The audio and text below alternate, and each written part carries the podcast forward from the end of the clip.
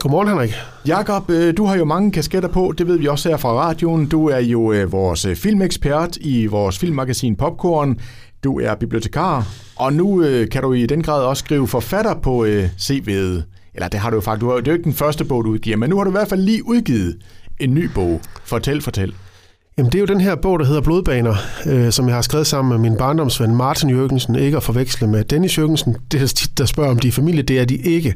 Vi udgav vores første roman sammen i 2018, og den hedder Randvad. Men nu er vi så kommet til vores anden fælles roman. Og det, jeg synes, der er lidt spændende ved det, det efter jeg er flyttet herned til Vestjylland, det er jo, at den foregår primært i Vestjylland. Øh, udgangspunktet, det er Bilum, øh, der hvor jeg selv bor nu. Så er der Oksbøl, Varde, Jernerup og Esbjerg. Øhm, men det er en spændingsfortælling. Øhm, starter på faktisk på Vesterbro i København, hvor der bliver begået et, et brutalt mord. Det skal der gøres i sådan nogle slags romaner her, Henrik. Og så viser det sig så, at der er en præst i Billum, øh, som begynder, muligvis bliver hun dement, eller muligvis begynder hun at huske nogle ting, som hun oplevede i en fjern fortid. Og så den her morderen, kan man sige, over fra Sjælland, begynder at bevæge sig mod Vestjylland.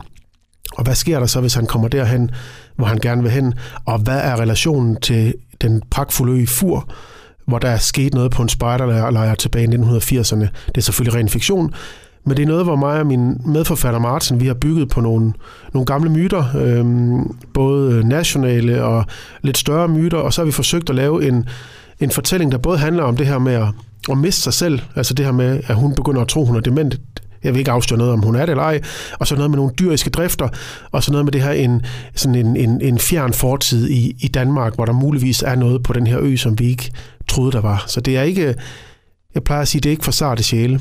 Hold da op, hold da op. Og som du selv siger, altså vores område her er jo dybt involveret i bogen her. Altså, hvordan finder man inspiration til sådan noget?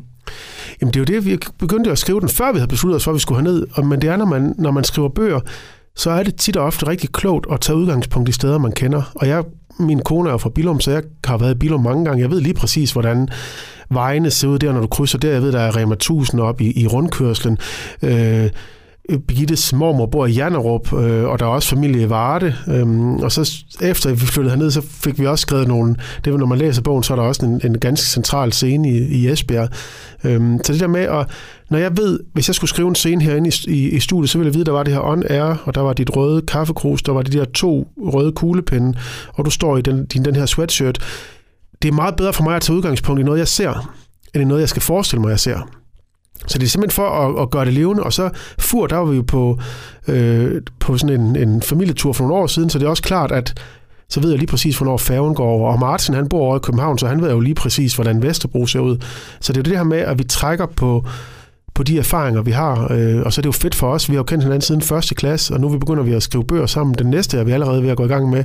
Det bliver en historisk roman, der hedder Pramdragen, og så har vi tanker om at lave en rendyrket krimi på et tidspunkt ude i fremtiden. Så det er, det, er, det her med at skrive, det kan jeg bare se, det er simpelthen så fedt. Og så det der med, at når bogen kommer for tryk, og du åbner op og mærker og hardcover og dufter. Altså det er, som bogmand, så er det, jeg plejer at sige, det største var selvfølgelig at få børnene, men ellers så kommer det her altså næsten bagefter, ikke? Og jeg spurgte dig, har du så selv læst, altså nu står du med bogen i hånden, om du har læst bogen selv. Og hvad var dit svar til det? Det er nej, fordi nu har jeg læst den her bog måske 10-20 gange, så jeg tør ikke kigge i den igen nu, og så tænke, hvad nu hvis der er den der fejl, ikke? Og det er det, jeg sagde til dig, fordi Radio Victoria bliver faktisk lige nævnt som lokalradio, og jeg var glad for, at det var der, for det var noget af det sidste, der blev tilføjet. For den skræk, man har som forfatter, det er, hvad nu hvis ham, der har lavet layoutet, har sendt en forkert version til tryk?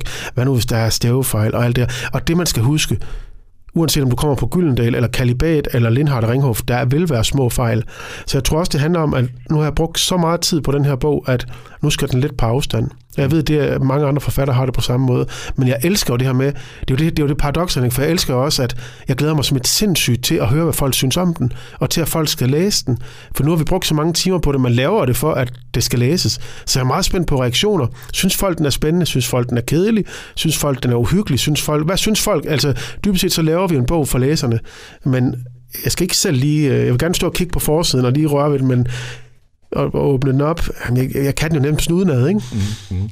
Og så er vi jo, øh, som du selv siger, altså Radio Victoria er nævnt i bogen, det er vi jo øh, super stolte af. Ja, det kan jeg godt forstå. Nu, nu siger jeg ikke, hvad der sker med, med radioverden fra Radio Victoria i bogen, men, den optaget. men det er jo det, der, det er også for mig en, når du skal lave noget, i stedet for bare at skrive en lokalradio, når du er her, så skriv der Radio Victoria. I stedet for, hvis du skriver en beværtning, så skriv der navnet på beværtningen. Altså det der med, øh, nu en central scene er i Oksbøl, øh, og den er bygget over, der ligger et turisthotel der, men det har vi så kaldt missionshotel, fordi der sker noget på det hotel i bogen, som, så det er også det, man som forfatter nogle gange lige skal tænke, okay, hvor langt kan man gå på virkeligheden? Men at give folk en mulighed for, for eksempel læsere, der læser den i Esbjerg, de vil jo tænke, okay, Radio Victoria, det er der, i stedet for bare en tilfældig lokalradio. Så det der med detaljerne,